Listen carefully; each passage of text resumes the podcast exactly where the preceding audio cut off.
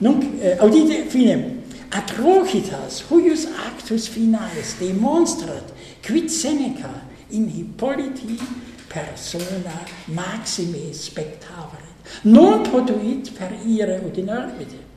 Is quoniam veneris quasi victima, apud orbitem non potut esse, meministis, venerem non satis coluit eam causam Venus sese ulta est, exemplum hic fit formae sive venustatis, quae venustas cum fortunae subjecta facile perituras inter bona haberi non debia.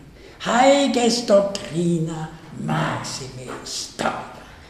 Forma non potest bona esse coniam peritura est, nec quisquam eam stabilem habere potest, quare corus recte dicit anceps forma bonum, id est adia forma.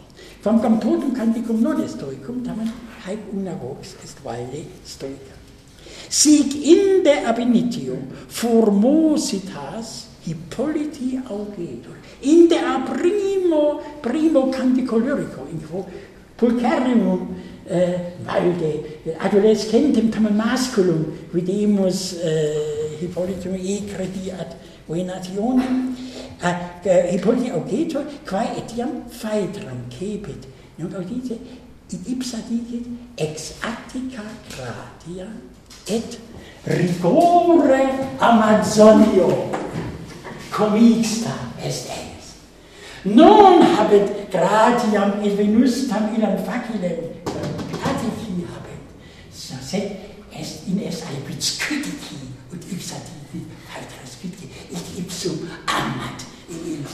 Hic videtis luxuriam de scribi ab ea quae attico cavim state non contenta sit quaerat etiam aliquid amazonum in amico. Unde in duas partes tragoedia discedit quarum primas de Paedra amante, actus primus et secundus, secunda de forma Hippolyti pereunde, actus tertius, quartus et quintus.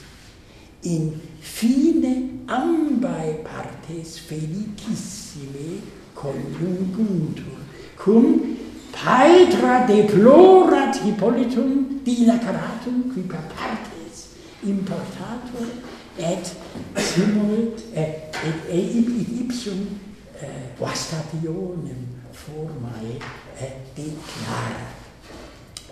Hoc, sic etiam it beneficit Seneca quod secundam partem iam eh, et, eh, eh indicium iam fecit in fine secundi actus, nam ibi cum Hippolytus abit finis faetrae amantes, tunc jam cla clamat nutrix violator abit, venite, succurrite, cives, ut jam eh, secunda pars tragoidiae incipiat.